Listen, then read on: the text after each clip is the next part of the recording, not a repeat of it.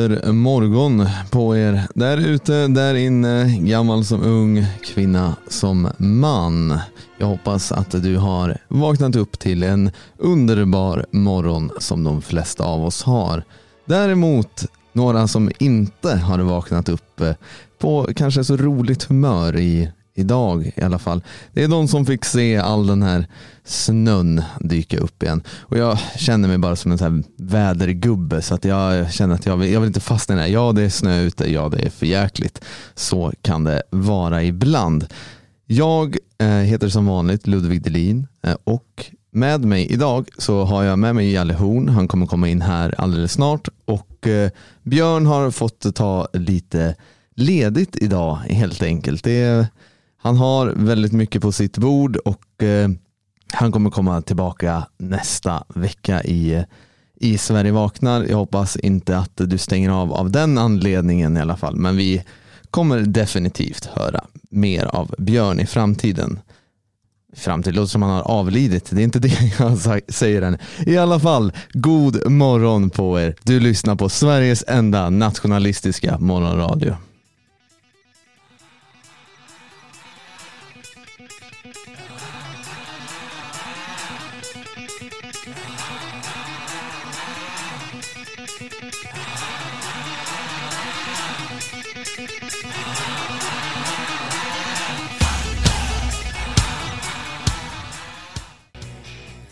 Jag hoppas att eh, jag har skakat upp dig ur eh, sängen eller eh, satt ka kaffet i halsen eller vad du nu gör. Hoppas du njuter av detta elektrikernas favoritband ACDC med med Thunderstruck. Med mig har jag Jalle Horn, denna Nordens lärare alltid redo för ja. en lektion. Hur Nej, står... det blir ingen lektion för guds skull. Låt oss slippa det. Hur står det till Jalle? Det var länge sedan vi pratade nu. Ja, det var länge sedan. Jo, det är alldeles utmärkt faktiskt. Ja, hel... Hur är det själv? Jo då, det är som vanligt mycket att eh, stå i, mycket stress, mycket kaffe. Eh, ja, sådär som det, som det ska vara mitt i veckan känner jag. Jaha. Vad bra. Ja, så det är härligt i alla fall. Eh, du, mm, du eh, poddar ju, sänder radio på, här på Radio Svego. Du är skribent för eh, Nationalisten, tidskriften. Och du har, ditt program på gamla och nya stigar har ju blivit en en fullkomlig succé bland de ihärdiga poddlyssnarna och radioentusiasterna där ute. Nu senast så pratade du om Frankenstein. Jag har själv, in, jag har själv inte lyssnat på, på avsnittet. Förlåt, förlåt. Jag vet att jag ska, jag ska bättra mig. Eh, kom inte med linjalen. Det blir billigt. Och eh, ja, det jag tänkte bara fråga här, alltså Frankenstein, är det myten Frankenstein eller är det filmerna Frankenstein eller är det allt i ett? Jag, jag vill ha, ge, ge mig lite behind the scenes här. Ja, just det. Ja, jag försökte eh, dra igång lite om eh, filmerna, men han har inte sett någon eh, Robin. inte, inte på länge i alla fall. It's alive! Ja, jag försökte, försökte Eh, nej, jag kollade, jag kollade faktiskt, eh, sett det flera gånger tidigare. Eh, innan avsnittet tittade jag på filmen från 1931, en, ett av de främsta klassikerna. Men i grunden var det att vi pratade om boken Frankenstein av Mary Shelley från början av 1800-talet. Ja, ja. ja det måste jag lyssna. Sen så diskuterade vi temat då, att skapa liv. Vad, vad gör en människa till en människa? Kom ni, kom ni, fram, kom ni fram till någonting? Ja, vi kom fram till de slutgiltiga svaren. Oh, det, jag måste lyssna. Ja. Det är alltid trevligt när de här eviga frågorna kan, kan besvaras. Det är skönt. Ja, så, så mitt tips är, vill du veta mer om, vill du veta mer om världen, fortsätta veta och undersöka, då ska du låta bli att lyssna på det här avsnittet. är, är man lite som jag som eh, trivs med att ha lite, eh, lite mystik och att inte veta allting så då ska man inte lyssna. Så, ah, ja. ja, men det, det är bra. Nej, det var bara ett skämt. Eh, vi kommer inte fram till några slutgiltiga svar, men vi pratar lite om det där att eh, skapa liv och eh, vad gör det vad gör, vad, vad gör det till en människa som försöker skapa liv på det sättet? Genom kloning eller genom artificiell intelligens eller genom eh, eh, ja, liknande, liknande försök eller genom Frankenstein-försöket då.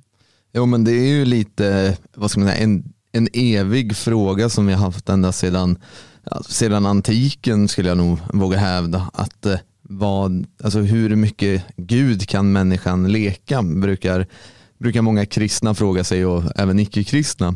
Och ehm, ja, var någonstans går skiljelinjen mellan vad som är heligt och vad som är mänskligt?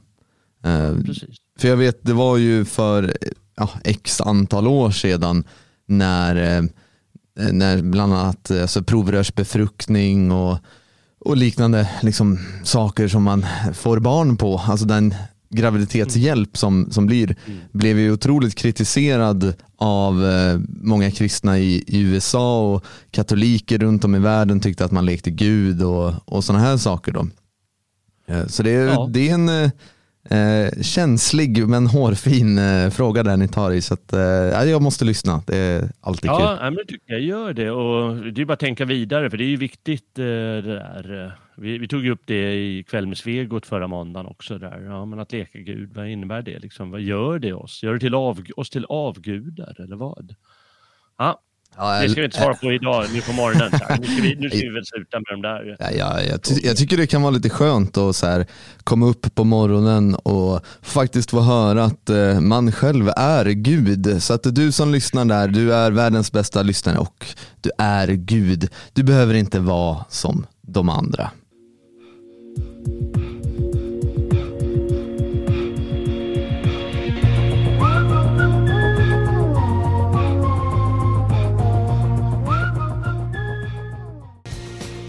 Kent med eh, de andra. Jag tror de blir extra glada att eh, vi spelar dem. Eh, Kent har alltid haft en förkärlek till nationalism och sådär. Nej, inte riktigt. Eh, ganska så vänsterextrema människor, eh, Joakim Berg. Men de gör ju de facto bra musik så att ibland måste man eh, erövra det man tycker om helt enkelt. Eh, så det är kul att kunna spela vad man vill i den här radion. För så här är det, vi kan spela vad vi vill och det är tack vare dig som lyssnar. Vi har den möjligheten. Så har du möjlighet, gå in på dels appen Telegram, gå in i Radio Svegots chatt där, kom in i värmen, kom in i gemenskapen. Men gå även in på svegot.se och bli stödprenumerant om du gillar det här megaprojektet till alternativ radio och podcast hub som håller på att erövrar hela Skandinavien i detta nu och du är en del av manskapet av den här radioarmén som erövrar hjärta och själ av varenda svensk och varenda norrman, dansk och eh, till och med i Finland har vi en hel del lyssnare. Så det är alltid kul. Så gå in och bli stödprenumerant.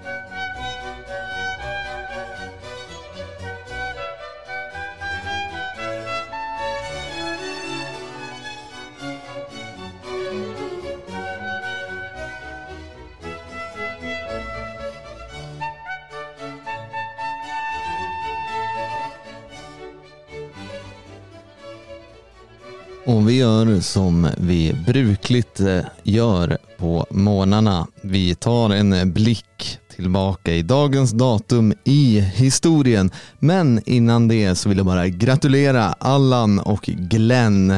Eh, så Gratulerar på namnsdagen alla er i Göteborg eh, just nu. jo, det är så här, dagens datum i historien är, det är alltid, det har hänt både mycket och lite och saker av stor vikt och liten vikt. Det går olika perioder i dagarna som vi ändå har. Eh, och år 1500 så var det Pedro Alvarez Cabral som är på väg till Indien. Eh, och på väg till Indien så seglar man via de här stora havsströmmarna i Atlanten och man sneddar helt enkelt över lite grann till Brasilien eh, som man helt enkelt annekterar för Portugals räkning och eh, därför pratar man portugisiska i Brasilien idag. Det är ungefär det stora som hänt. Sen har det skett en hel del annat. Vi lyssnade på en liten trudelutt här. Eh, Jalle, vad var det vi hörde egentligen? Varför hörde ja. vi det? Ja, men det var en av födelsedagsbarnen. Han blev inte mindre än, oj vad kan det bli, 360 år någonting. Giuseppe Torelli heter han. ja. En av många barockkompositörer som eh, ja, som man spelar in skivor av och eh, här var det någon trumpetkonsert. Ja, trevligt, trevligt och vi har ju haft, mm. eh, det är ju många födelsedagsbarn idag som eh, jag tror de flesta har i alla fall hört talas om. Vi har Immanuel Kant. Mm, ja, ja, det hoppas jag att många har hört talas om. Han är ju liksom en av, en av de två, tre största filosoferna. Jag kan tänka mig att du har läst din Kant, Jalle. Jag har inte läst min Kant, kan jag inte påstå. Han skriver ju torrt som fnöske. Han hade, han hade en idé om att han skulle, att han skulle vara, han var tvungen att skriva som en, nästan som en teknisk handbok eh, för att få det precis. Så det är, det är väl inte det roligaste man kan göra, att läsa Kant. Nej, men han har... Jag har böckerna i bokhyllan och har bläddrat i dem några gånger och läst lite och sagt ja, men ja, just det. Mm, just det. Han är ju i alla fall en eh, citatmaskin, någonting som eh, man ser på sociala medier, människor som tar eh, Kant-citat helt eh, ut ur sina sammanhang och eh, ja, lägger på någon flashig bild och tror man är lite smart. Det är ett fenomen på internet som eh, jag uppmuntrar faktiskt. Eh, jag tycker det är bra att det sprids visdomsord oavsett hur de sprids. Så det är alltid kul att, att se. Men Kant är en sån eh, som få tror jag har läst men många kan citera. Ja, kanske det. Ja. Det viktiga är ju det här, det, det, det som kan tyckas aktuellt och särskilt för, för vår del, det är hans idé om plikten. Mm. Att det är, eh, så pliktkänslan är grunden för, eh, eh, för det moraliska livet, anser han. Och det är ju ganska intressant, att man, man ska inte bara titta på konsekvenserna utan, utan det måste komma ifrån den egna plikten. Och sen så kanske resultatet blir som vilken liberal som helst säger, att du inte ska göra andra illa. Eller som liksom, kristendomen och alla möjliga eh, etiska figurer har sagt. Men, eh, men det måste komma från eh, pliktkänslan. Och eh, det tycker jag, tycker jag är bra. För det skapar ju, ger det karaktär. Ja, så sant som det är sagt. Eh, nästa födelsedagsbarn eh, tänker jag inte ens våga mig på att uttala, så den, den lämnar jag till dig här, känner jag. Ja, jag menar fransyskan här. Uh, uh, Anne-Louise Mendes Stael Holstein. Är det den du menar? Det var precis det jag sa. ja, precis. Ja. Ja, hon heter ju det här för att hon var gift med en svensk. Vad säger du om det? Mm. Ja, Holstein-släkten är ju eh, synonym med, med Sverige kan man ju säga. Ja, just det. Det är ju eh, även... Nej, var, ja, upply, upplys oss Hon var gift med svenska och var författare och eh, lite så här, tänkare och lite allt möjligt. Hon levde under eh, franska revolutionen och eh, Napoleon-tiden blev bannlyst. Hon, hon kunde inte vara i Paris på 20 år eller 30 år eller något sånt. Eh, hon hade väl dödsdomar över sig. Så det kan gå under, kan gå. under, ja. under revolutionsåren. Eh, det är ja. ju även en av historiens eh, större män skulle jag våga påstå som är födelsedagsbarn idag. Och det är ju mm. Vladimir Lenin. Eh, han har, det är något annat namn i, eh, som jag vet brukar figurera kring, kring Lenin. Men i alla fall 1870 så föds eh, Lenin. Denna eh, figur som läser Marx på sitt eh, eget vis och implementerar en bolsjevisk, alltså en bolsjevikrevolution i, Ryss, i tsarryssland, får hela kejsardömet på fall och grundar Sovjetunionen. Det, ja och det finns mycket lärdomar som jag tror, vad ska man säga, vår sida kan faktiskt lära sig av Lenin. Lenin höll på i 30 år alltså med sin kamp innan de eh, lyckades få till och av lite historiska och naturliga orsaker lyckades få, få makten i, eh, i Tsarryssland. Det var en extremt turbulent tid och eh, jag tror att varje ideologi behöver ha sin Lenin. Visst, du, du hade marxismen som ett ett ideologiskt ramverk men du behöver ha en, en Lenin, en organisatör av, av den magnituden som, som de facto kan organisera det motståndet. Eh, inte för att jag sympatiserar med Lenin, alltså, men han är en intressant figur. Tycker jag. Mm. Ja, kanske han är.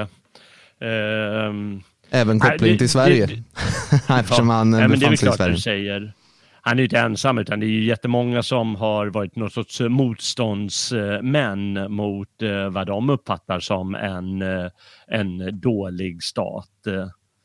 Och det, det passar väl in på dig och mig och många andra kanske. Sen så kanske vi inte ska, vill att man ska yttra sig som Lenin-motståndet. nej. Men, nej, nej. nej, men det ligger väl lärdomar i det. Det är eh. väldigt många inom motståndsrörelse som förstås har studerat Lenin. Ursäkta. Och eh, ja, hans sätt att eh, organisera och genomföra. Ja, och i, i gårdagens veckans hädelser, eh, Eh, det är bara att gå in på svegot.se och klicka sig vidare så kan man lyssna på det, så tar jag upp ämnet eh, kring det här med alltså att Sverigevänner, så kallade nationalister pratar om revolution titt som tätt utan att veta egentligen vad det är. Och människor slänger sig med alltså med begrepp man inte har en aning om och man sitter och rullar tummar eh, liksom och väntar på det här stora uppvaknandet som gör att vi kommer helt enkelt eh, bara ta till gatorna och kasta ut eh, politikerna från Rosenbad. Och Jag vet att när jag satt och arbetade inför det här avsnittet så stod jag i valet och kvalet ifall jag skulle nämna just Lenin som ett, som ett exempel. Som sagt, hans kamp eh, var i 30 år. Alltså där han åkte runt i hela världen för att samla sympati för sin sak och organisera saker. Och han tvingades ta, eh, nu vet inte jag hur han resonerade rent personligen, men han tvingades göra en hel del val där människor som var nära honom eh, under väldigt lång tid, som han i princip eh, plockade bort. Detsamma gäller ju med Franco i, i Spanien när han tvingades eh, eh alltså avrätta sin egen kusin. Eh, jag tror inte människor är beredda att göra allt eh, som vissa människor är eh, tvingade att göra i sådana situationer. Så att, ja, man bör studera, man bör läsa sin Lenin kan jag ju tycka. Men vi går vidare, det är ju faktiskt fler personer. Nästa här på listan som du skickar till mig av intressanta personer är en Vladimir också. Mm. Jag har ingen aning om vem det här är. Snälla. Vladimir Nabokov. Ja, men han är känd, eller ibland ökänd författare. Han äh, skrev ju på många språk. Han skrev ju på tyska och ryska och engelska. han flyttade till slut till Amerika när han levde och äh, framför allt då berömd för sin bok Lolita. Jaha, är, är det han som, är det han som har skrivit den? Engelska. Han har skrivit Lolita. Ja, han skrivit den på så perfekt engelska så ja, amerikanerna de är ju förbannade över att en, eh, vet, att en ytis kommer och skriver mycket bättre än de själva. ja, det Men han är en genial skribent, eh, skriver väldigt vackert. Eh, den är väldigt särskild den här boken. Den är liksom både satirisk och ja, satirisk mot själva fenomenet att ska säga, gilla unga damer. och dessutom satirisk mot det amerikanska samhället.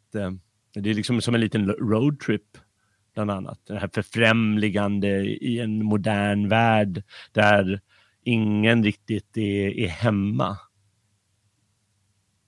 Ja, det, Man det låter liksom i sitt Ja, det låter ju som verkligen en, en härlig, syrlig kritik mot hela det moderna samhället. Och det, jag hoppas inte du trillar av stolen där.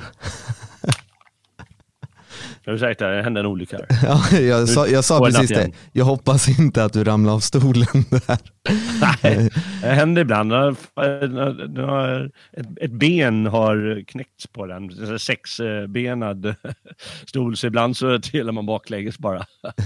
Då vaknar man upp ur, ur dvalan. Ja men det är ändå härligt. Vi har alla våra sätt att uh, hålla oss uh, vakna i alla fall.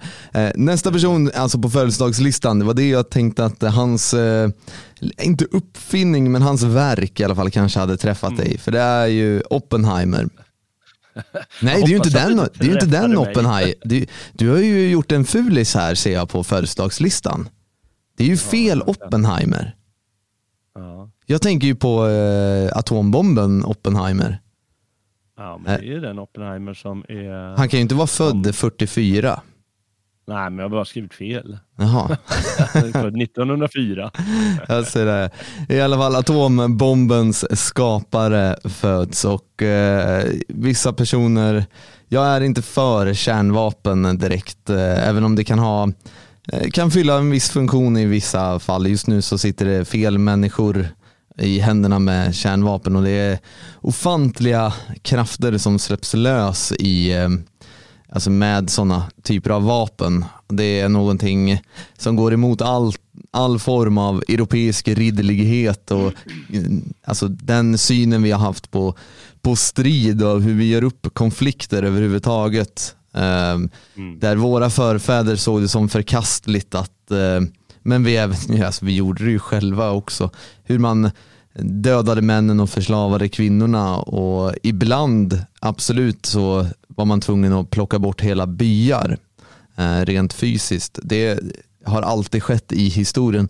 Atombomben är en, eh, ett verk däremot där vi pratar om att totalt förinta hundratusentals, om inte miljontals människor. Eh, sen kan man ju välja om man är en fantast av, eh, av Linkola och kanske tycker att det kan vara bra att plocka bort väldigt mycket människor. Ja, men jag tror inte att eh, att kärnvapen är, är vägen dit eh, riktigt.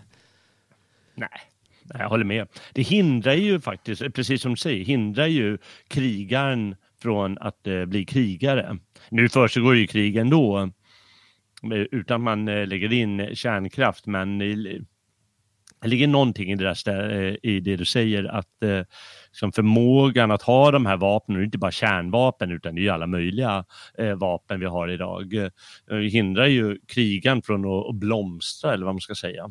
Och det är ju ändå en, en viktig företeelse för det är ju liksom att du använder modet och, och, och eller det här eh, som jag kallar för, att våga, våga riskera vad som helst.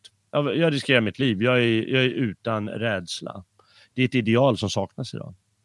Ja, och eh, Oppenheimer gjorde ju det här möjligt. Sen är det hela den tekniska utvecklingen där ofta, alltså där människor av krigartyp, krigarmentalitet oavsett folk, alltså det man möter är i princip en maskin uppe i skyn styrd från eh, Virginia i USA och det sitter en, alltså jag ser bara framför mig, det sitter en sån här eh, överviktig amerikan med så här riktigt fula glasögon. Eh, ena handen i en chipspåse och den andra på joysticken och man eh, bombar afghaner eller annat eh, valfritt sandfolk liksom någonstans.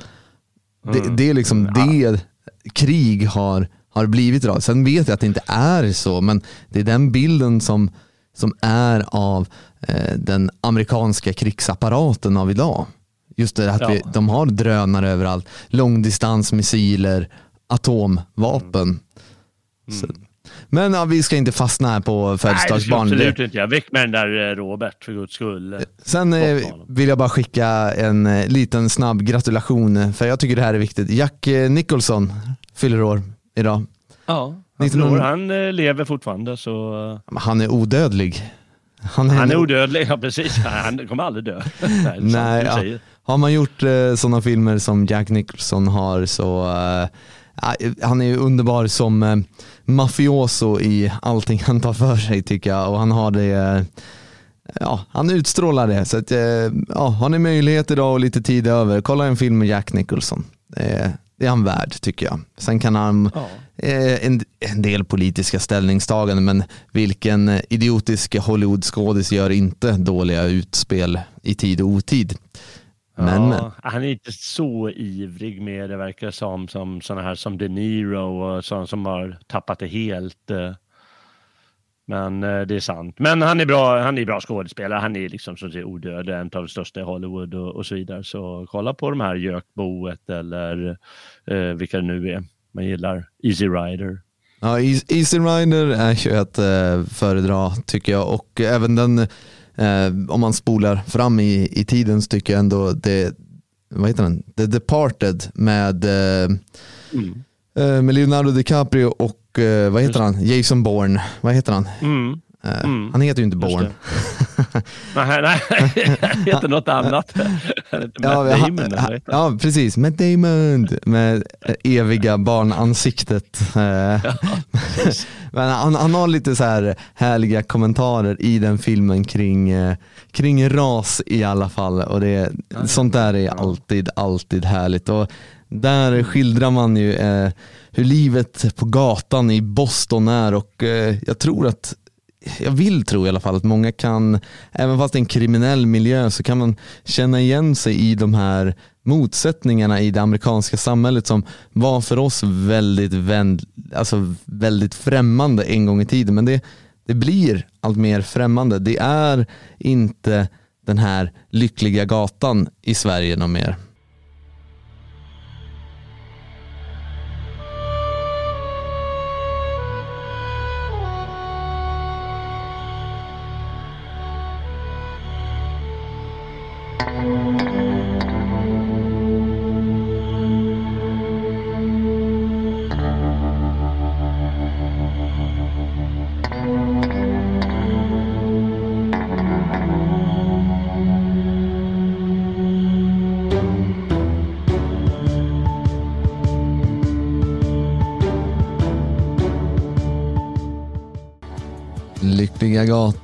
Med Ultima Thule. Du har inte ramlat av stolen än va, Jalle? Nej, bara fått eh, no någonting i halsen som inte går att hosta upp. Eh. Jag får köra skrovelrösten. Kan det vara covid-19? det finns ju ingen covid, det är ju bara påhitt alltihop. Oh, oh, nu, nu kommer det, min inkorg kommer fyllas av eh, mejl här när vi, man säger sådana här saker. Det är alltid lika kul, så ja. fortsätt säga sådana saker.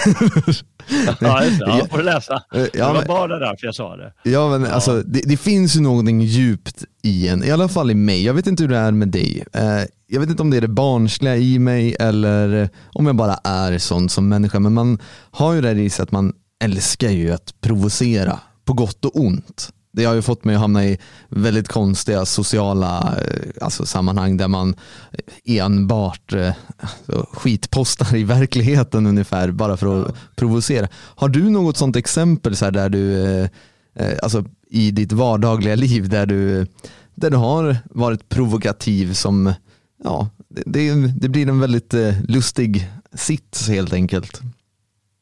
Ja, det är väl lite provokativt. Jag går väl omkring och säger så här om, ursäkta, om, eh, om covid, att ja, ja, nej men du vet att det där, det där med masken, det kan du glömma till exempel. Det, säger, det är helt meningslöst. då blir de så arga folk. Ja, och du befinner dig ju också på en plats där eh, det inte är som i Sverige, om vi säger så. Så att, nej, just, nej, det också. Ja. Men det är ju, jag menar, det sa väl i alla länder sa väl att ah, men den där masken hjälper inte. Det, det, det, det, det, utan det är bara någonting de drog, drog på allt eftersom att ja, men vi ska nog använda det här masken då. Vet du. Bara för, jag vet inte vad. extra säkerhets skull eller något sånt, att det kanske hjälper lite. Men det är många som säger att det inte hjälper, fortfarande så här läkarteam och så.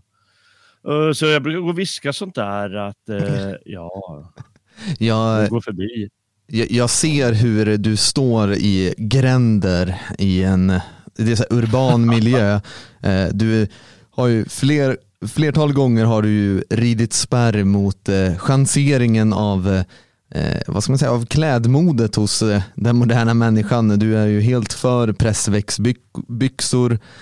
Jag kan tänka mig att du har en fint struken skjorta, hatt och så står du så här i någon mörk gränd, ena benet vet, på väggen. Antagligen vet, röker någon finare eh, cigarett, alternativt pipa. Och så står du där och bara viskar till förbigående att bara, det där hjälper inte. Det där hjälper inte. Ja. ja, det är ju en vacker bild du målar upp. Det stämmer tyvärr inte. Men, Du får, du får inte förstöra det här. Jag försöker bygga på din image här. Som, eh, ja, den, ja, ja. ja, nej, men det, det det där med att vara provokativ, det, är, eh, det är både på gott och på ont eh, kan man ju säga. Jag kommer ihåg ett fall för mig personligen där jag har ju varit nationalistiskt engagerad sedan jag var ungefär 15 år. Eh, Mm. Så att, eh, och jag är, jag är 30 år. Eller jo, jag är 30. Eh, Bra att veta hur gammal man är också. Ja. Nej, och det här har ju fått då, alltså en del reaktioner rent socialt i alltså med släkt och familj och, och sådana här saker.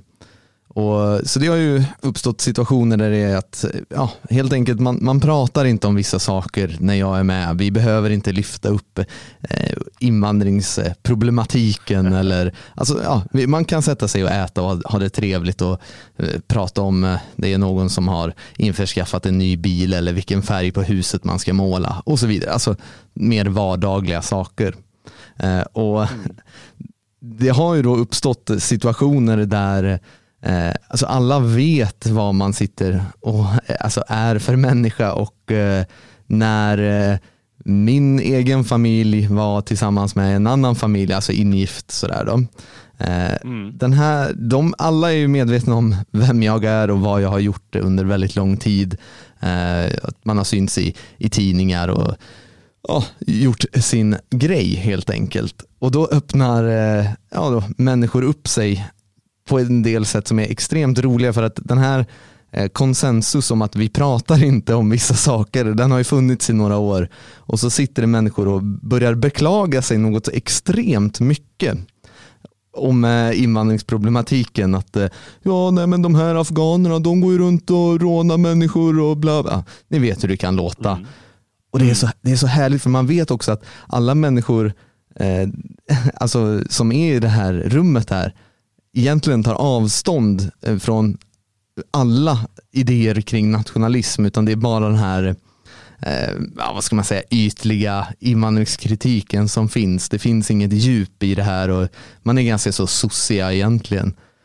Och då, I sådana sammanhang, det har varit flera gånger, då kan jag inte hålla mig så jag, jag brukar vända på på allting. Och så när någon är kritisk i sådana här sammanhang så brukar jag bara skälla ut människor lite fint om att de inte är tillräckligt toleranta. Och det, det är jättekul. Alltså testa det här och bara, nej men det är ju klart vi måste. Alltså när det sitter någon gammal farmor där och beklagar sig att det är otryggt, då får man förklara för gamla farmor att, eh, jo men herregud, det här är ett jättebra samhällsbygge som vi har tillsammans byggt upp under många, många år. Tillsammans med socialdemokratin som du har röstat för och sådär. Det är härligt att vara sådär skönt provokativ ibland. Men vi ska inte fastna i, i det. Vi har ju faktiskt några döda, eh, vi har ju massa döda, men det finns ju några som har dött dagens datum i historien i alla fall. Ja, det gör det. Eh, det nu, nu har de ändrat på det. Det tycker jag är taskigt, men eh, här, här framför mig står det Miguel de Cervantes, eh, den stora spanska författaren eh, och eh, framförallt till Don Quijote de la Mancha, denna fantastiska riddare. Som slåss med väderkvarnar. Ja, inte bara väderkvarnar utan det är allting han ger sig på. han, han är lite konstig den där eh, Miguel, eller eh, vad heter han? Eh, eh, Don Quijote. La, La Mancha. Ah, La Mancha, Quijote. Ja, men eh, han är i alla fall ärofull. Eh, han, han vill vara det. Han vill, det är hans största, högsta önskan. Så eh, Miguel de Cervantes han gick bort eh, den här dagen. Ofta brukar Shakespeare, eh, eller länge så samsades de om sin dödsdag, men nu har de tydligen flyttat fram Shakespeare, eller flyttat bak Cervantes en dag. Så imorgon får du ta upp Shakespeare. Ja. Då får du ha extra sändning. Ja, men det skulle vi nästan göra, men då, då jag tror du är bättre lämpad på Shakespeare än vad jag är. Det är inte så mycket mer än några några citat och man har väl sett eh, några filmatiseringar kring eh, eposarna som, som Shakespeare har producerat. Sen är han ju en av Europas största söner. Den saken är ju ingen, ingen tvekan om. Men, eh, ja.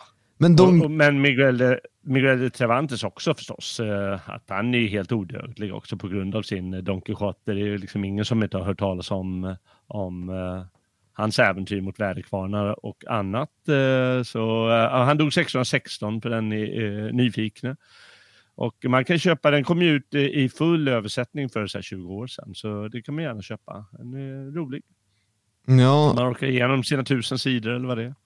Ja, jag läste i förbifarten, det var nu förra veckan faktiskt, bara läste lite i förbifarten att Don Quijote det, det, var någon sån här vänsterkolumnist eller någonting. Jag läste mm. inte noga överhuvudtaget så därför kommer inte jag ens ihåg vem det var eh, som skrev. Men att Don Quijote innehåller frän och syrlig antisemitism. Och det gjorde mig i alla fall lite sugen på att läsa Don Quijote. Jag vet inte hur det är i det, jag har bara läst utdrag och vet eh, historien som helhet kring Don Quijote och La Mancha. Vi skrev, Ja, just det. Vi ska vara glada att han eh, faktiskt uh, lyckas leva ända till 1616. Han var ju med i uh, uh, vad heter det? Lepanto, slaget i Lepanto. Har vi pratat om någon gång i radion. Ja, denna, denna heliga ligas försvarskamp mm. mot musulmanerna. Som är... Ja, så han var med där och sen så blev han ju tillfångatagen Eh, Eh, och eh, var slav, eller vad man ska kalla det för, i fem år. Tills han lyckades köpas fri. I Nordafrika var han väl, eh, eh, satt han i fångläger. Så vi kanske eh, köpa fri honom. Och så gick han hem och satte sig och skrev. men, men väderkvarnar är ett bra Bra grej. Ja, det är ju också fler stora, stora människor som har avlidit just denna dag i historien. Snälla Jalle Horn, upplys mig och alla lyssnarna. Ja, det är ju en av eh, våra eh, poetiska söner eh, av rang, så, framförallt då Georg Stjernhielm som dog 1672. Jag brukar kalla den svenska skaldekonstens fader eller något sånt där brukar de dra till med. Eh, när de inte har något annat att skriva. Han, eh, var, eh, han var ju väldigt mån om det svenska språket. Att man ska inte hålla på med så här förtyskningar och sån skit latin och sånt, utan man ska hålla till sig gamla goa svenska eh, ord. Och han har lusläst så här, landskapslagarna och sådär för att leta fram gamla godbitar. Ja, det är, här, ja, det är härligt när de här eh, människorna dyker upp i, i historien tycker jag. För det, eh, dels att vi själva kan lära oss en hel del, men vi måste förstå vilka inbitna människor och vilket gediget arbete de har gjort. Alltså det, det är fantastiskt. Ja, det är det. Eh, jag, jag, jag, ska, jag, ska, jag ska chockera alla med lite extra fina svenska ord snart. Eh, men han är framförallt känd för eh, det här dikten Herkules som eh, handlar om Herkules vid, eh, om man ska gå den smala vägen eller den breda vägen. Den breda vägen är ju enkel att gå. Va? Så eh, det är, frågan om vilken väg han ska gå, om man ska gå dygdens väg eller lättlustingens eh, väg. Och då var väl hans idé att eh, det här ska vara ett sätt att, att fostra adelsmän och bli liksom sundare och, och mer plikttrogna och eh, som ja, gå en bättre väg helt enkelt. Det var hans plan med diktverket bland annat. Ja, så det är bara att läsa lite Georg Stjernhielm, du, ad, ja, du adelsman där ute. Ja. Det, men... men... Men, jag har ju ett par fina dikter här eh, som jag hittade i en artikel här. Ja, trevligt, trevligt. Ja, eh, jag, ska, jag ska ge en hint om vad det handlar om när eh, eh rubriken till den är På 1600-talet var svenska poeter mycket snuskigare. Jaha, jaha. Ja. Nu, nu ja, jag lyssnar, jag lyssnar. Intressant här. Klockan, Ja. klockan är inte ens nio, det är dags att vi kör lite, lite Ska vi, snuskigt ha, ska vi köra den mjuka eller hårda? Nej, här. Nej, det är, här är så politiskt inkorrekt radio så att vi ska inte, vi ska inte ducka för någonting tycker jag. Ducka. Ja. Eh, Här är en känd, eh, det är sånt där som de lyckas dra fram, forskarna. Och eh, då har han skrivit en, jag ska se, jag ska väl läsa här, eh, Stjärnhjelms än mer skabrösa dikt, Konung Ludvigs bröllopsskrift i Frankrike. Och ja. går så här. Eh, Basse betyder tydligen penis. Kungens basse bör vi prisa, som oss brakte frid och lisa. Drottningens mus bör och ära, som oss brakte freden kära. Eh, vore kungar utan ballar, skötes en av våra vallar. Nu han redskap har och råder, var man sig åt freden gläder.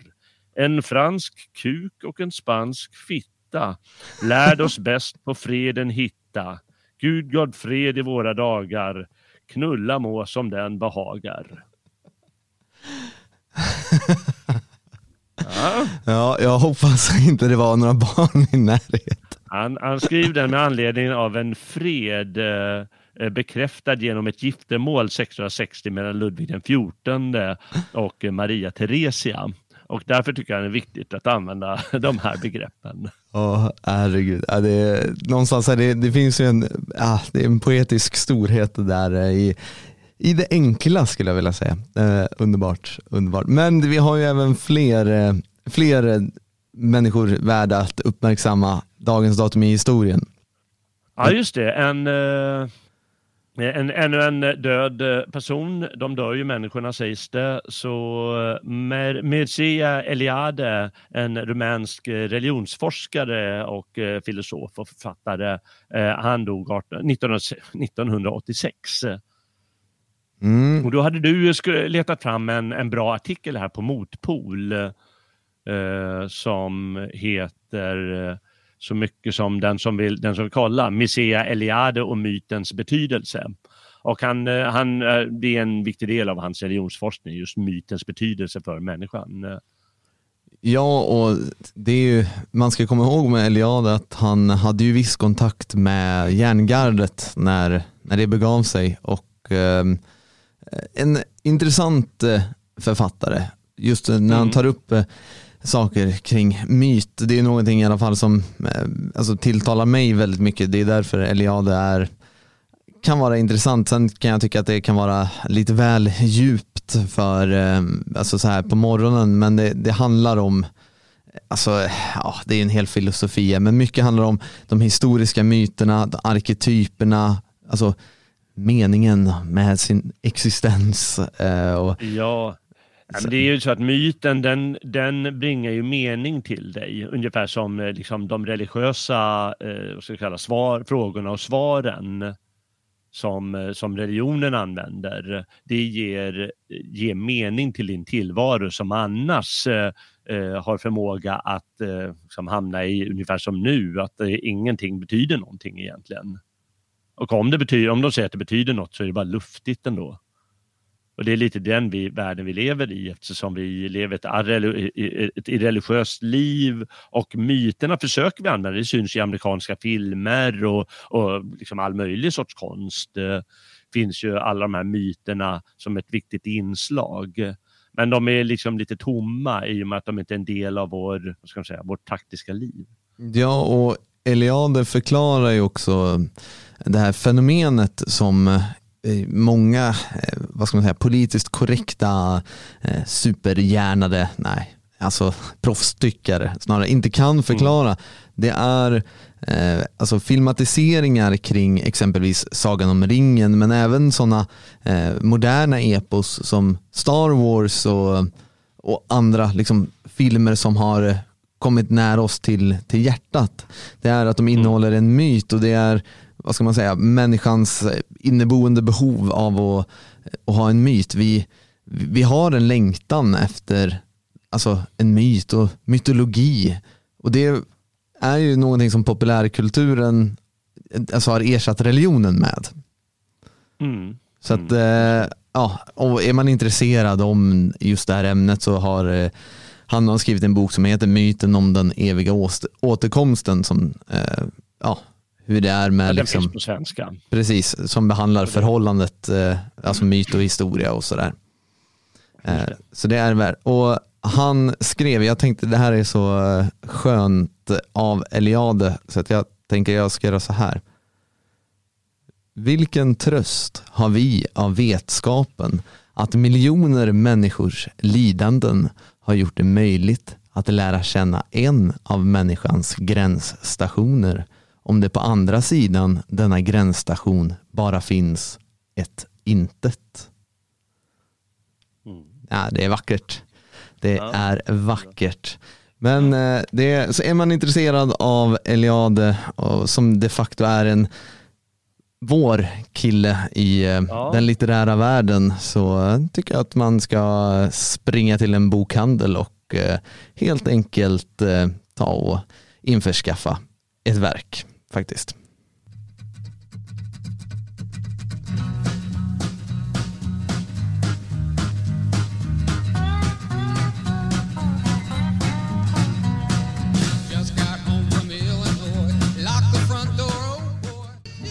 Spela Creedence då. Ja, och det var vad jag gjorde. Eh, Creedence Clearwater Revival med Looking Out My Back Door. En låt som eh, jag vet en eh, vän till Svegot har gjort en cover på som har etsat sig fast i alla AIK-are i alla fall och även icke-AIK-are. Eh, så att, eh, han har ju bland annat gästat dig, eh, Jalle, i en, en del program. Ja, just det. Jag skulle mena att jag ska få honom på tråden snart igen, men han har gått under jorden igen. så fort, så fort man, man, ja, men nu känner jag att jag behöver, skulle göra det här med dig, en liten grej. Ja, då, om man inte känner för det, då svarar till telefonen. Ja, det kan ju vara, med tanke på vart han bor så kan han ju kanske åkt ut till skärgården, Stockholms skärgård. Eh. Man vet aldrig. Några som eh, alltid, eller inte alltid, men sedan 1964 i alla fall har befunnit sig i skärgården är ju detta lilla jobbiga barn som kallas för Tjorven och farbror Melker och alla de andra folkkära öborna ute på Saltkråkan och de återuppstår i ny tappning. Det är Sveriges Television som har gått ut med nyheten att man spelar in en modern version av Vi på Saltkråkan och SVTs vd Hanna Stjärne förklarar att vi vill göra den till en, till en ännu starkare klassiker. Ja, vi på Saltkråkan eh, visades som sagt på Sveriges Television första gången 1964.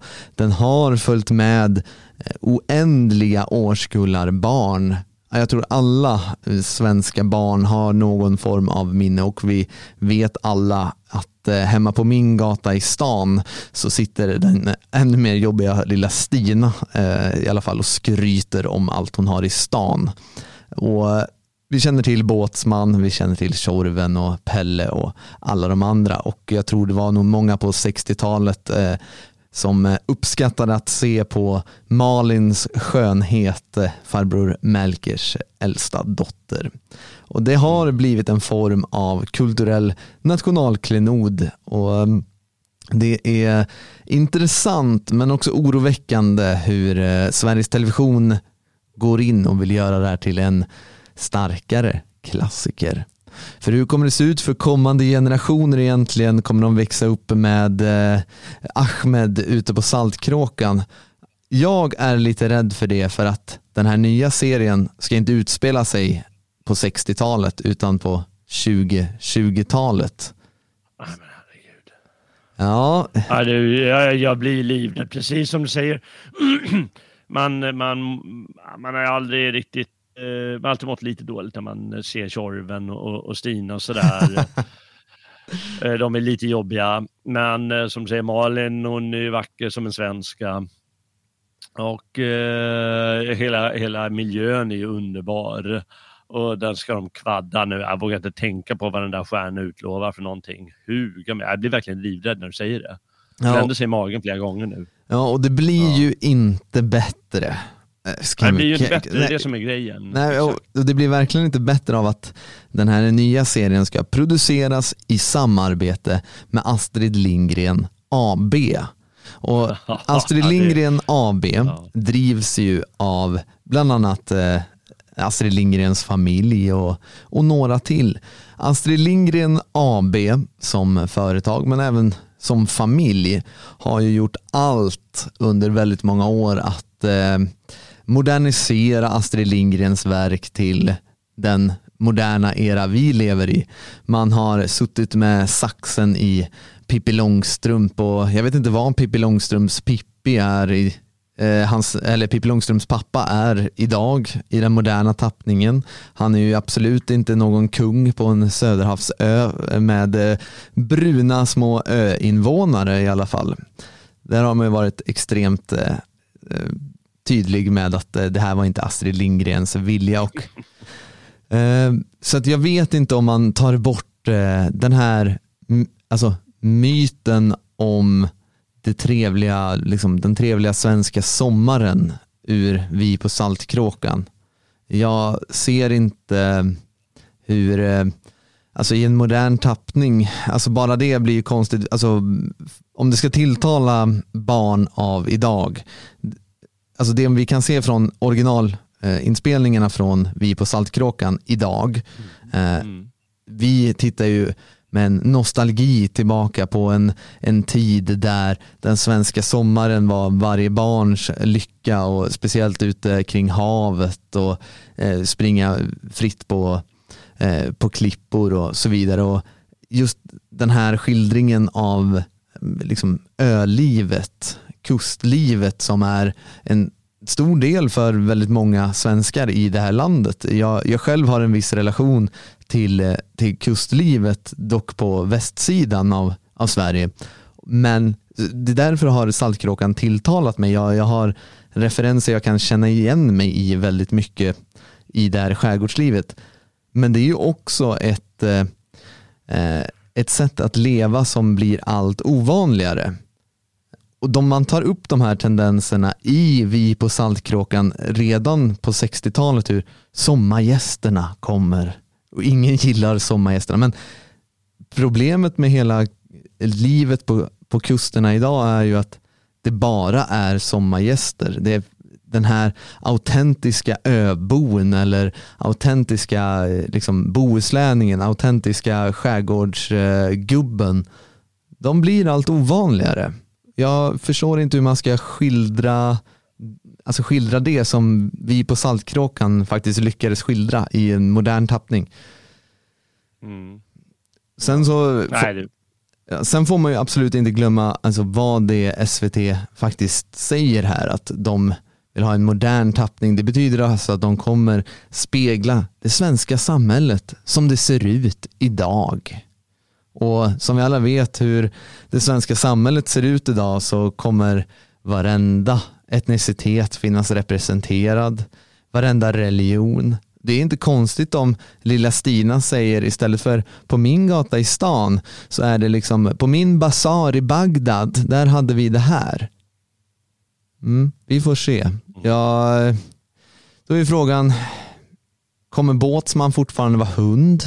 Jag vet inte. Alltså hundar är ju ett smutsigt djur enligt eh, då många av eh, de så kallade nya svenskarna.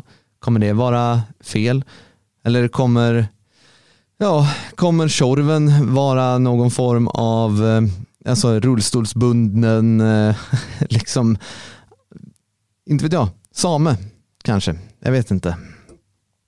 Vad tror du Jalle kring de här illdåden SVT ägnar sig åt just nu. Vad tror du vi kommer få se på en, den moderna tappningen av Vi på Saltkråkan? Oh. Nej, jag, jag vet jag, jag, jag mår dåligt när du, när du tog upp det där så Ja, nej, jag, vågar, jag vågar inte för, föreställa mig. Jag tror att det blir mycket värre än du kan föreställa dig.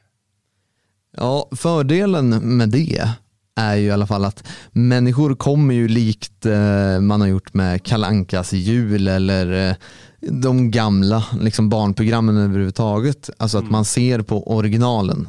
Man tittar på Mm. originalfilmerna för att Ja. man tycker den, de moderna skapelserna är bara helt totalt värdelösa och man vill ge eh, sina barn någon mer autentisk kulturfilmatisering här. Ja, ja. Jo, jo, visst. Men folk kommer ju ändå titta på det där. Du vet, det gäller ju att uh, hjärntvätta dagens eh, tv-tittare också. Ja, ja, vi får se, vi får hoppas på det bästa, men när hon uttalar sig på det där sättet, vi vet ju alla vem hon är, den där stjärnan. Då, då Ja, en jävla, oj ursäkta språket. Ja, hon är en hemsk människa. En fruktansvärd människa. Ver- Verkar ju vara helt fasansfull. Tänk att jobba med henne. Hemskt. Ja. Ja, eh, vi, eh, vi, eh, vi, jag tror vi får släppa det där med, med Saltkråkan.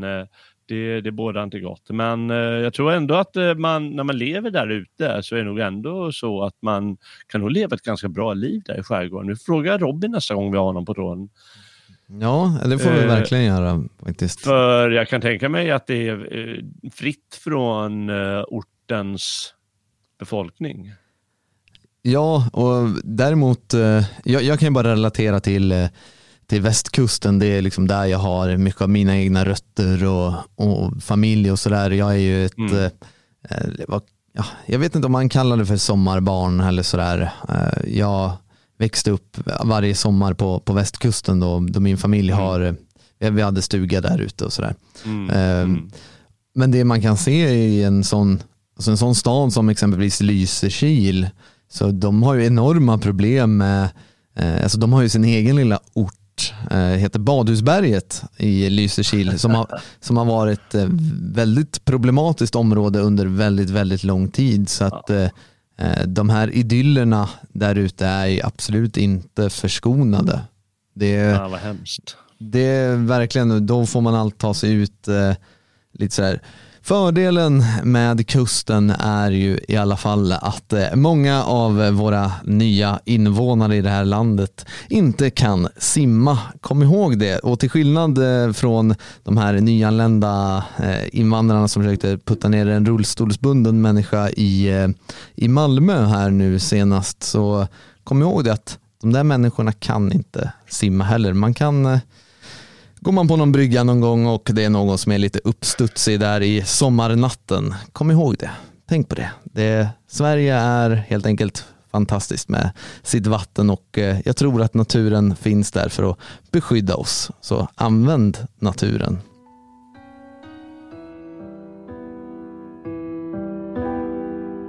Över ängar, nerför dalar, de snöbeklädda toppar som skönjas i våran ögonvrå.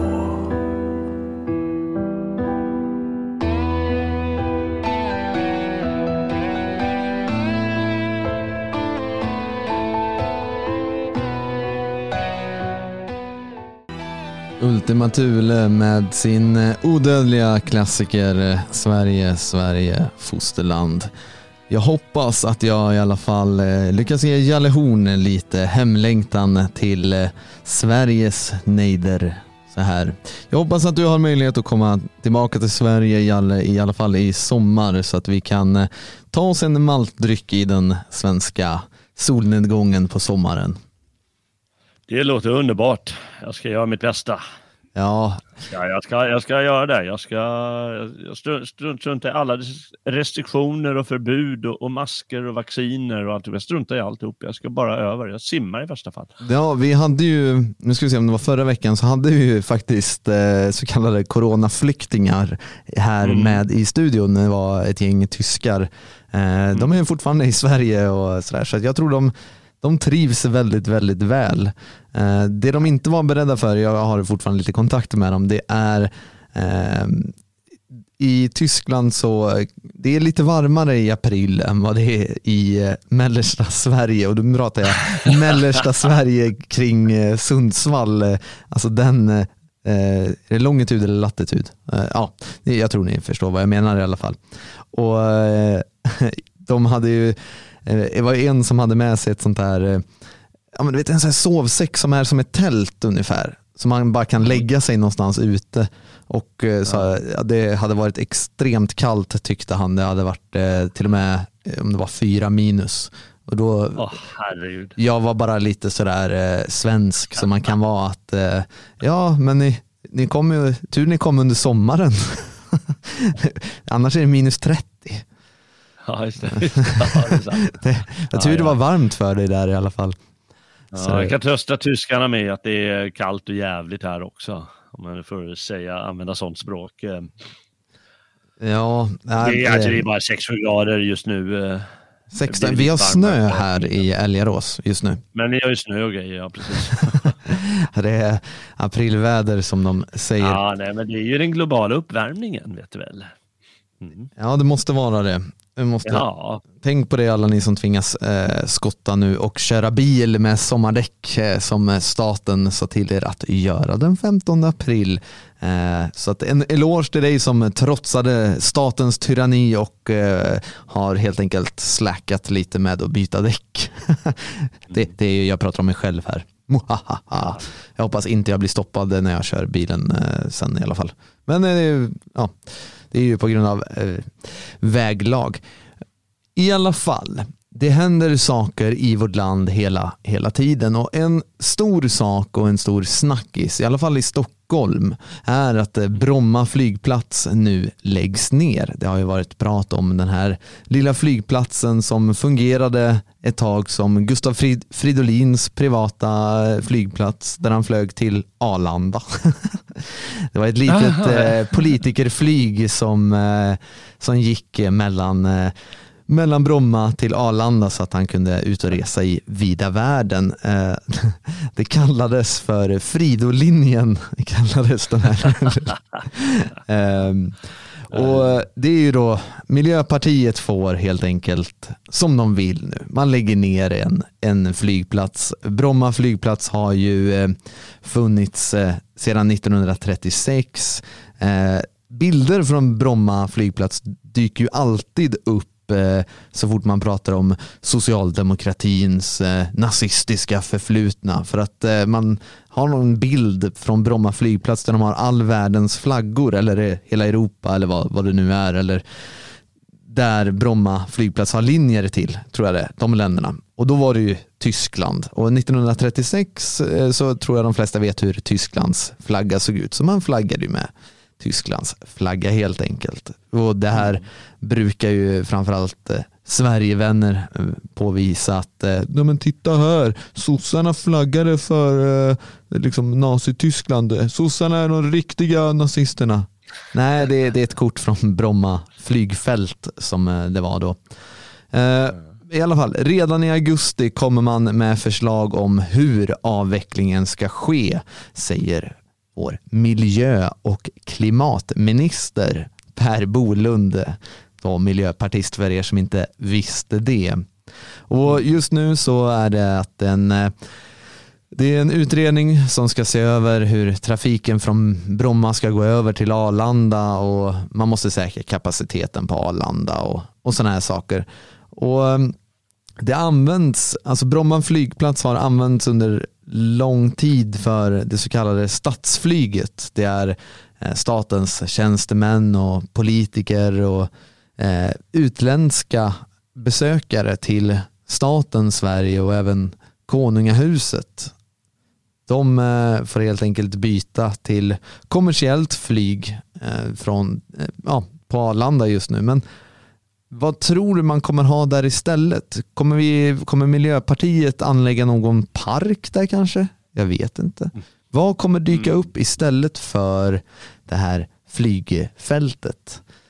Eh, ska vi se lite hur det ser ut i Sverige där vi bygger nytt så har vi två vägar vi kan gå. Jag tror inte det kommer anläggas någon park. Kanske en liten park, inte hela området, absolut inte. Eh, med tanke på att det är nog ganska så attraktivt att eh, bo precis där. Det är inte direkt jättelångt till eh, centrala Stockholm. Det är nio kilometer från Stockholms stadskärna till flygplatsen. Så det kommer, huspriserna där kommer nog kosta lite mer än, än vanligt. Och vi har ju två vägar vi kan gå. Antingen så kommer det anläggas extremt exklusiva lägenheter eller radhus eller så vidare men ett exklusivt bostadsområde där ingen vanlig människa har råd att bo. Eller så kommer det helt enkelt byggas nya lägenheter för kolonisatörerna i det här landet bara nio, nio kilometer från Stockholms stadskärna. Behöver Stockholm ha ett nytt miljonprogramsområde? Mm, jag vet inte riktigt. Har du någon teori om vad, vad som kan hända med, med den här platsen som är Bromma flygplats, Jalle? Ja, för, för det första ska vi säga att det är inte alls det är inte klubbat att det ska läggas ner utan det är mycket möjligt att det blir kvar och att det blir kvar mycket längre än Miljöpartiet skulle vilja i vilket fall som helst. Eh, av olika, alla möjliga skäl. Men om de stänger det och bygger någonting så ska man ju inte glömma att eh, det är ganska rika människor, eller i alla fall eh, det är människor som äger dyra hus som bor där. Och det, de kommer nog inte bli glada om det blir miljonprogram, det kan jag säga. Utan det kommer bli väldigt stora protester och eh, kommunen kommer, eller de, de, de kommer göra ganska mycket för att hindra det. Så jag tror inte det händer hur som helst. Det tror jag inte. Ja, eh, jag har ju sett att det höjts en del röster. Eh, eh, alltså, människor som de kör den här triggalibsen strategin att vara lite provokativ och, och vill, alltså människor från vår sida som vill se att det byggs nya miljonprogram. Och, jag, jag har inte bestämt mig riktigt om jag gillar det här för att samtidigt människorna som bor i närheten med, med dyra hus Tar man en titt på mm. val.se och tittar lite på hur de röstar så har ju de varit en del av förstörelsen av, av Sverige och de har varit en, alltså en motor för att avvecklingen av hela Sverige har kunnat ske. Den här eh, kategorin människor som har eh, dyra fina hus. Ja, just det. Ja, de är ju svåra egoister. De säger att bara det inte är på min eh, bakgård så, så är det lugnt. Eh, så har de ju varit. Så då kan man ju tycka att det är rätt åt dem att få det på bakgården menar du? Ja. ja, och som ja. sagt jag har inte bestämt mig för att eh, allt som är dåligt är självklart dåligt. Jag tror inte att eh, dåliga skapar någonting bra per se, men eh, ibland så, ja, man ger upp om, om vissa människor. Eh, kan man ju säga. Och de som har det i sig att eh, göra motstånd, har man inte gjort det än så eh, jag undrar, kommer man vakna ändå oavsett? Då, ja, då får ni väl ta ert straff och ha massa babbeluringar där liksom springande i Bromma. Då. Ja. Synd att ni röstade som ni gjorde, idioter. Lite så. Det, det är ja. lite så jag känner att det är de har varit delaktiga i viss form av det här mordet på Sverige som nation och morden på otroligt, otroligt många svenskar.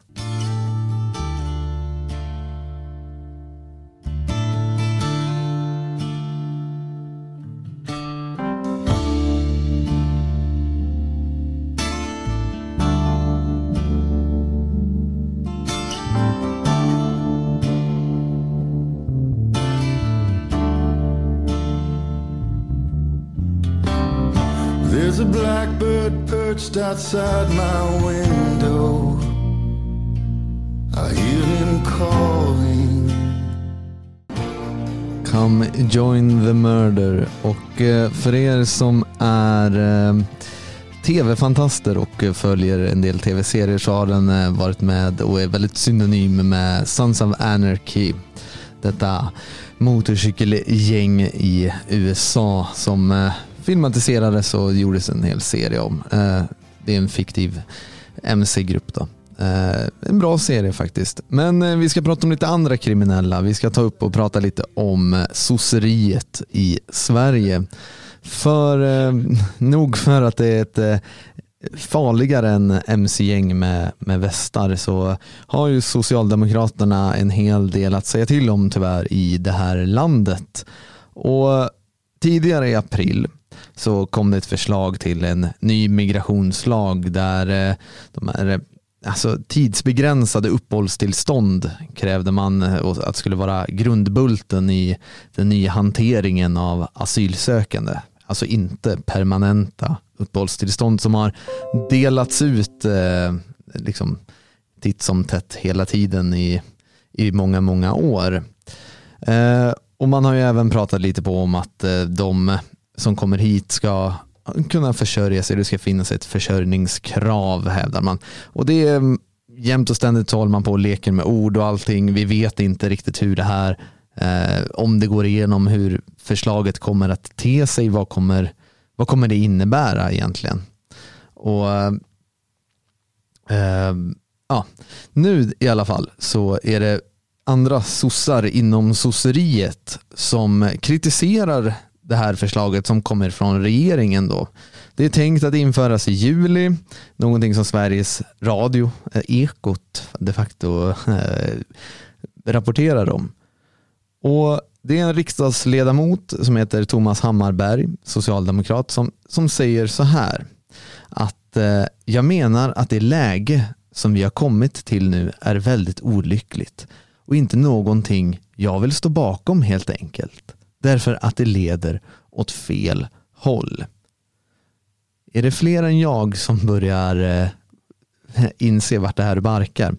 Eh, och eh, han är bara en av flera ledamöter som sägs vara kritiska inom socialdemokratin till det här förslaget.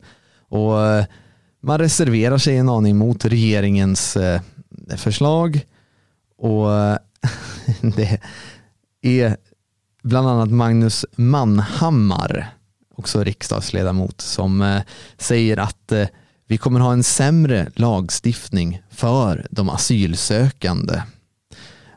Ja, det är ju då självklart den här, eh, vad ska man säga, sprickan där vilken väg socialdemokratin ska ta. Man har sett hur Sverigedemokraterna växer och växer, blir större och större. Man har sett hur eh, invandringskritiken blir allt hårdare och hårdare i det här landet och hur den nationella oppositionen växer och växer för varje dag. Det ser man från Socialdemokraternas håll och vi har pratat om det här flera gånger hur eh, socialdemokratin måste hämta sig för att socialdemokratin idag är nedåtgående.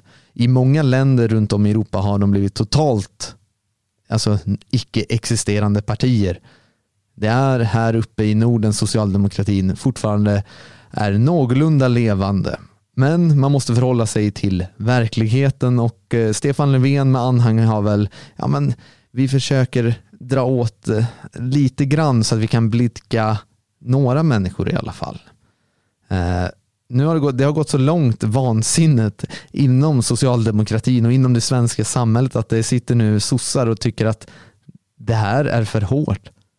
Att människor inte ska ges permanenta uppehållstillstånd så fort de sätter sin fot på svensk jord. Att det har gått så långt att det är hemskt att människor måste kunna försörja sig själva. Det är ju staten som ska ta hand om någon som enbart har satt sin fot på svensk jord så ska du som lyssnar här idag betala för denna människa. Det är det en djup spricka vi ser här uppstå i socialdemokratin, Jalle? Vad, vad har du? Har du någon syrlig tagning på det här? Uh, nej, det är väl eh, uh, klyftigt uh, eh, som sjutton av dem det här. För uh, då får de ju både, lurar de ju med sig både de som tänker ja nu har de skärpt sig Socialdemokraterna, ja, men jag får rösta på dem då. Och de får med sig de som eh, lyssnar på den här Hammarberg och säger det där går absolut inte för sig. Nej, det går vi. Det, det, så där kan vi inte hålla på med för eh, hårdare regler. De får med sig båda. Ja, det är nästan så att man skulle kunna tro att det är uh, uttänkt. ja, nej, det är klart inte uttänkt, men uh, jag, tror inte det, jag tror inte det spelar jag tror att det, de måste ju välja någon linje till slut, eh, eller i alla fall propagera för en linje. Men eh, sossarna och, eh, och liberalerna, de är ju mästare på att mygla med det där. Och eh, säga en sak och, och sen ja, ja låta, det, låta det gå i långbänk så länge att det till slut bara rinner ut i sanden. Ja, och det, det, här är ju någonting jag hoppas att de flesta svenskarna har lärt sig, men jag blir ju besviken vid varje val egentligen. För, ja, man blir ju det. Ja. För att här, eh, också någonting jag tog upp lite grann i eh, gårdagens veckans hädelser, att eh, varje så kallad Sverigevän eller någon som vill någonting, alltså vill Sverige väl, man har alltid en, ett gott öga till någon av etablissemanget. Och det må vara mm. vem som helst egentligen. Det här är ju som att ge alla människor, precis som du säger, de som är lite kritiska men fortfarande är goda sossar. Så bara, nej men jag vill inte att det ska vara så här att Sverige tar in alla människor. De ska ju, de ska ju självklart kunna försörja sig själva. Det har vi inom socialdemokratin kämpat för länge nu. Eh, man har ju man har fått dem helt enkelt där. Och eh, ja. Jag är bara rädd att, eh, eh, vad ska man säga, de mindre begåvade invandringskritikerna i det här landet kommer snegla mer och mer tillbaka på socialdemokratin, precis som socialdemokratin vill att de här människorna gör. För socialdemokratin arbetar ju stenhårt för att profilera sig som ett det arbetarparti de en gång var.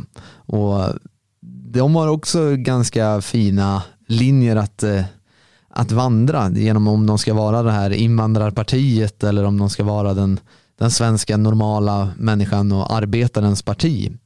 Eh, det är ju därför socialdemokratin har det grepp de har för att människor har tänkt att det är för vanligt folk helt enkelt. Mm. Men det är, lite, ja. det är ju som du säger här, man leker med ord, något fruktansvärt. Eh, oavsett vilken linje eh, sossarna kommer ta, ska vi komma ihåg att det befinner sig hundratusentals, om inte miljoner främlingar i Sverige just nu. Det här kommer egentligen, oavsett om vi skulle ha invandringsstopp idag, mm. nu, mm. bam, mm. vi stängde gränsen, så har vi oerhörda problem i det här samhället som inte går att lösa med varken integration eller assimilation. Främlingarna här är redan extremt många och fler kommer det bli oavsett vilken linje socialdemokratin tar. Det, folk är så extremt eh, naiva och tror att det handlar om volymer på invandringen, hur många vi ska släppa in. För släpper vi in mindre så blir problemen mindre. Men problemen är redan här. Varenda förort i Sverige brinner ju varenda jäkla sommar. Varenda nyår så skjuts det raketer på gamla tanter. Alltså, det är sådana extrema problem dygnet runt i det här landet. Det handlar inte om att stänga gränsen överhuvudtaget. Det handlar om att köra ut varenda jävel ur det här landet. Det är det det handlar om och det är den striden vi måste ta. Nu blir jag arg här. Förlåt Jalle att jag skriker i öronen på dig. Vi får ta en låt på det här tror jag. Jag tar en låt för guds skull så lugnar ni oss.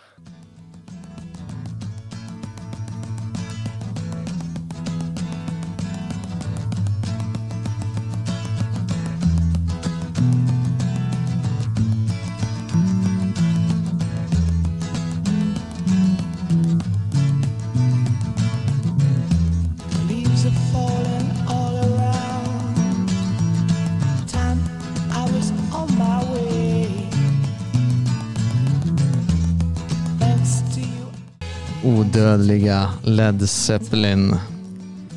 Underbart att höra på morgonen så här en torsdag när det är snö och jävelskap i Älgarås i alla fall. Jag har sett i chatten på Telegram, Radio Svegot chatt.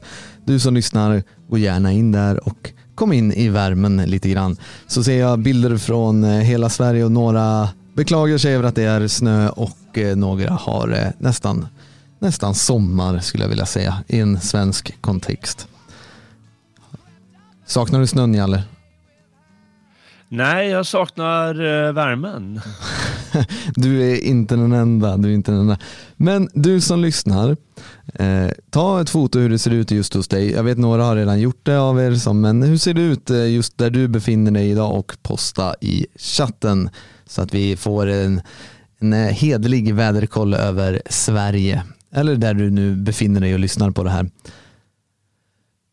Så, eh, det sker mycket saker hela tiden. Det är någonting jag vet jag överanvänder den, eh, den meningen. Det händer mycket i det fria Sverige hela tiden och snart börjar det bli, eh, ja vi närmar oss första maj helt enkelt och då slår Svenskarnas hus upp portarna och eh, huset är öppet igen och det ska bli trevligt med alla de Eh, evenemang som kommer ske i och kring huset och runt där ute i landet faktiskt. Det, jag hoppas att du har möjlighet att vara med på det här, du som lyssnar. Eh, är du inte redan medlem i Det fria Sverige så gå in på detfriasverige.se eh, och bara hoppa in på den här bli medlem-knappen. Slå med hela knytnäven på skärmen och sånt där för att det är så det funkar. Nej, gå in och bli medlem helt enkelt. Moderaterna och Kristdemokraterna, de eh, vill inte förbjuda oss, sägs det. Ja, man vill i alla fall inte helt förbjuda organisationer eller partier som eh, är stämplade som rasistiska. Däremot eh, så kommer man i alla fall att rösta igenom regeringens förslag att förbjuda så kallat deltagande i dessa organisationer. Och det har varit en eh, kommitté, det har varit en snackis väldigt länge om, eh, eh, vad ska man säga, om förbjudandet av så kallade rasistiska organisationer. Det är någonting vi har tagit upp inom det fria Sverige, hur, hur vi kommer gå vidare om vi skulle bli drabbade med, av sånt där. Och det är framförallt en hel del andra organisationer som jag tror är i maktens fokus. Men eh, däremot någonting som jag också har skådat där ute är att eh, samma människor som lutar sig mot Sverigedemokraterna och Moderaterna och Kristdemokraterna och tror på det här så kallade konservativa blocket. Att de kommer öppna pärleporten till friheten. Ja, man lurar sig lite grann där. Det här Förslaget om att eh, förbjuda deltagande i rasistiska organisationer som de kallar det kan bli lite marigt för en hel del. För vad är egentligen rasism överhuvudtaget? Denna eviga fråga. Ingen verkar kunna besvara den överhuvudtaget. Och man, alltså Moderaterna och Kristdemokraterna går helt enkelt på den här linjen om att förbjuda deltagande i de här organisationerna. Och därför finns det då ett riksdagsbeslut för det här förslaget. De enda som har motsatt sig det här är Vänsterpartiet, det är Sverigedemokraterna och även Liberalerna. De får ju däremot ingen majoritet i riksdagen och eh, vi kommer sannolikt se ett eh, förbud att delta i organisationer som makten klassar som rasistiska. Undrar vad det här kommer innebära och eh, vad menar man med en organisation överhuvudtaget? Är det fler än tre personer som träffas? Utgör de en organisation som kan förbjudas deltagande? Kommer man inte få träffa eh, andra människor? Jalle, du befinner dig ändå i ett land som har ganska så strikt lagstiftning kring liknande saker. Vad tror du kommer ske i Sverige? Alltså hur kommer det här ta sig? Är det bara någon enskild grupp som, som kommer utpekas eller har, har man öppnat Pandoras ask här? Ja, man har öppnat Pandoras ask. Det, man gjort. Det, är klart att de är ute efter eh, Nordiska motståndsrörelsen. Det, eh, det har de ju varit länge. Men eh, alla vet ju hur, hur det funkar. Har jag, har jag, fått en del av kakan vill jag ha lite till av. den.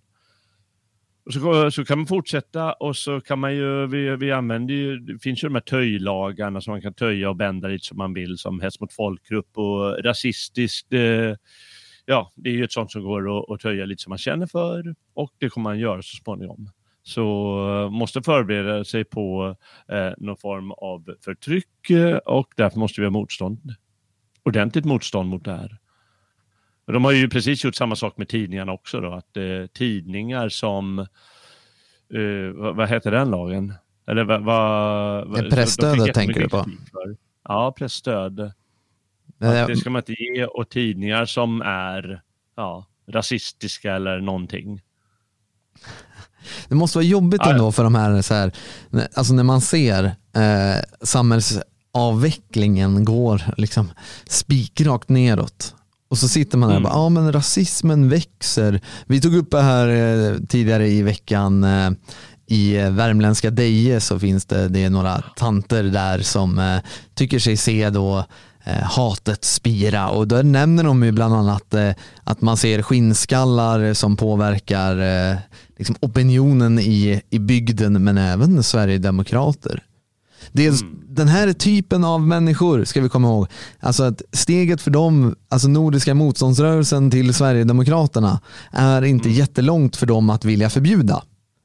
Och Sverigedemokraterna, jag menar, alltså då pratar vi om att förbjuda deltagarna i ett parti som de facto är kanske det största partiet vi har just nu. Mm.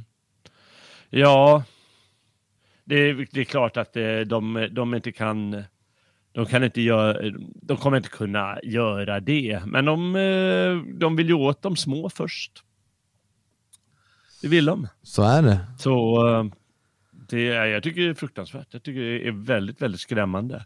Och det, det som är mest skrämmande är egentligen just att man använder det här rasistiska organisationer, vad det nu betyder.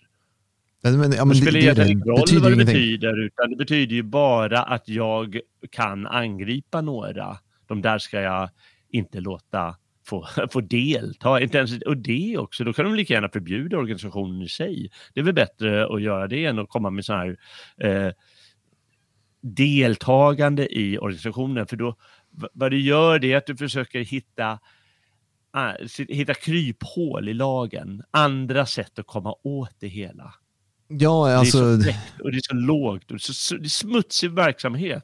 Det ska han ha väldigt klart för sig, den här eh, moderatledaren, att det är ren smuts han ägnar sig åt. Han vältrar sig i smuts. Ja, han badar i smuts för att han är en eh, liten, liten människa på många sätt och vis. Och eh, alltså, så här, det är ju det, de kan ju fortfarande stå där och slå sig för bröstet att eh, i Sverige har vi demokrati och förening och organisationsfrihet. Men vissa organisationer får du inte vara med. Där organisationen per se är inte olaglig, däremot att vara med i en sådan organisation det, det är ju det här som blir extremt, alltså det blir luddigt, det kommer tolkas väldigt konstigt och jag vet att det ligger, vad ska man säga, några år framåt eh, hur, eh, alltså det kommer vara rättsfall kring det här, alltså vad kommer vara rättslig praxis, alltså hur man ser på det här och vad kommer klassas. Men då hamnar vi ju i en sak där där staten måste ha utredningar kring vilka som är vad. Och rasism är en sån sak, eh, ett, ett ord och ett begrepp som alltså människor av idag, eh, politiskt korrekta idioter, sitter ju där och hävdar att eh, nej men jag tycker inte att eh, Sverige bör plocka in hela världen just nu eh, är att likställa med rasism. Att mm. Eh, erkänna svenskarna som en egen, sven, alltså egen etnicitet eller erkänna svensk identitet och kultur är likställt med rasism och förtryck av eh, samer och alla andra eh, folkgrupper där ute. Allt vad vi är egentligen är ju att för de här människorna att klassa som rasism. Det är ju det som det. blir extremt, extremt problematiskt.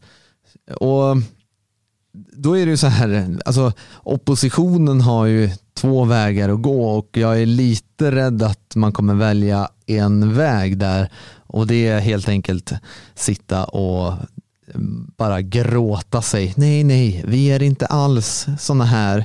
Och gud nej, för allting som makten uppfinner i deras liksom, ideologiproducerande begreppsapparat, vad rasism är hela tiden. Där liksom lusekoftorna på Södertörn sitter och, nej det är inte norrmän utan det är människor i så fula koftor jag tänker på. Eh, som sitter där och ska liksom, syssla med den här ideologiproduktionen. De eh, kommer uppfinna att rasism betyder betydligt eh, mildare invandringskritik än vad rasism betyder idag. det kommer bli likställt med eh, oh, enklare former av kritik mot samhället eller invandringen som sådan. Och eh, ja, Sovjetunionen kanske var ganska fri ändå när jag tänker efter, känner jag. Ja, det blir ju det längden. Visst, det är klart att det var mycket värre repression där. Och straffen var mycket hårdare. Men eh, det, det är på något sätt det dit de är på väg. Och det är dit de vill. Och i slutet vill de ju, kan de inte låta bli att mörda människor. Det är ju det de kommer hamna i. De fattar ju inte det. Den där lilla smutsnissen eh, i Moderaterna. Han förstår ju inte att det blir ju slutet eh, på det han låter komma igenom när man säger att ja, vi kan nog förbjuda deltagande i rasistiska organisationer. Ja, men eh, lite runt hörnet lurar det att du bara står och skjuter av folk för att de är vita.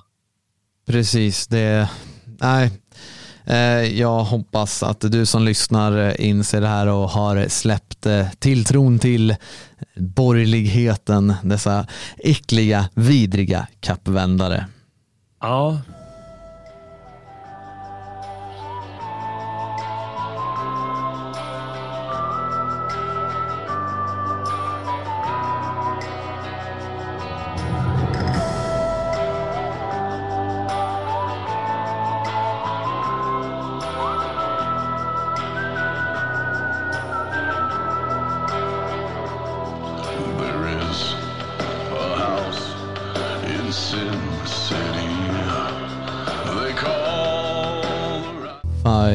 Finger Death Punch med en eh, cover på är det Bob Dylan som är The House of the Rising Sun och ursprungligen en amerikansk eh, folkvisa.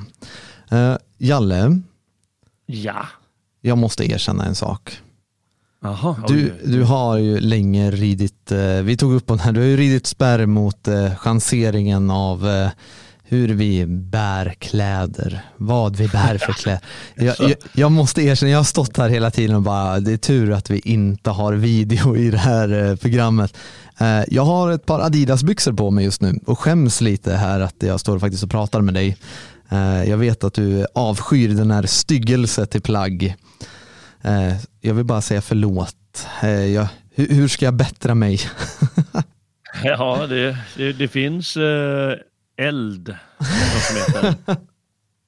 Och jag menar inte att du ska kasta dig på elden, utan jag säger att du ska ta av dig byxorna och kasta dem på elden. Eller så lägger du dem, låser du fast dem vid gymnastiksalen. och så tar du på dem när du går in där. Ja, jag vet man borde egentligen, eh, Ja, ja, egentligen borde man inte ens erkänna det egentligen. Men jag är lite snäll mot dels dig och lyssnarna. Sådär. Uh, du, du, sitter i din studio, det är ingen som ser dig, då är det inte så farligt. Uh, ja, jag tycker gympabyxorna, jag kan förstå när de går i skolan med gympabyxorna. Det tycker jag det tar, tar emot. Arbetet ser man inte folk och i, i Adidas-brallorna direkt, men uh, Ja, nej, nej alltså. Det, det, det, som, jag måste säga det jag tycker är allra, allra konstigast, eh, det är alla människor som går med så strumpor som knappt når upp till eh, höjden av skorna man har på sig. För det måste alla nu för tiden. Men när det är så här ett par plusgrader bara, tycker de inte att det är kallt och jäkligt eller? Uh, jag, jag har hamnat i det där träsket. Ja, jag, jag, känner mig påhoppad. Sådana här eh, ankelstrumpor tänker du på. Ja, um, jag vet inte varför det egentligen har blivit en grej. Det är ju eh, alltså ursprungligen, alltså nu, nu ska man vara helt ärlig, det är ju säkerligen något så kvinnligt kring det där att man ska se folks anklar och bara oh. Eh, sen kan jag väl förstå det rent estetiska om man har kortbyxor på sig och ett par skor. Eh, det kan jag förstå eh, lite grann. Ja, det ligger mycket i det du säger. Ja. Eh, men ja, alltså i grund och botten egentligen är det fel. Men... Grejen idag är att byxmodet har blivit så att det ska vara ganska korta byxor. Ja. Det, det, har kommit dit än, eh, eller kommit tillbaka, de här kort, lite kortare långbyxor. Och, eh, eller ja, det, inte sådana som bara går lite över ner till knäna, utan som inte går ner till hälen, utan är lite ovanför eh, där, där skorna slutar. Och då blir det ju så, då ska de ha de här ankelstrumporna också. Och jag tycker både det är ganska fult och måste vara ganska obekvämt. Men vad vet jag? vad vet vi? Vi är främlingar i, i denna värld. främlingar, ja, i den här moderna kulturen av idag så är vi nog de flesta av oss främlingar och inte alltid hänger med. Men eh, är det någonting du vill eh, skicka med lyssnarna här? Det är eh, veckans sista eh, Sverige vaknar.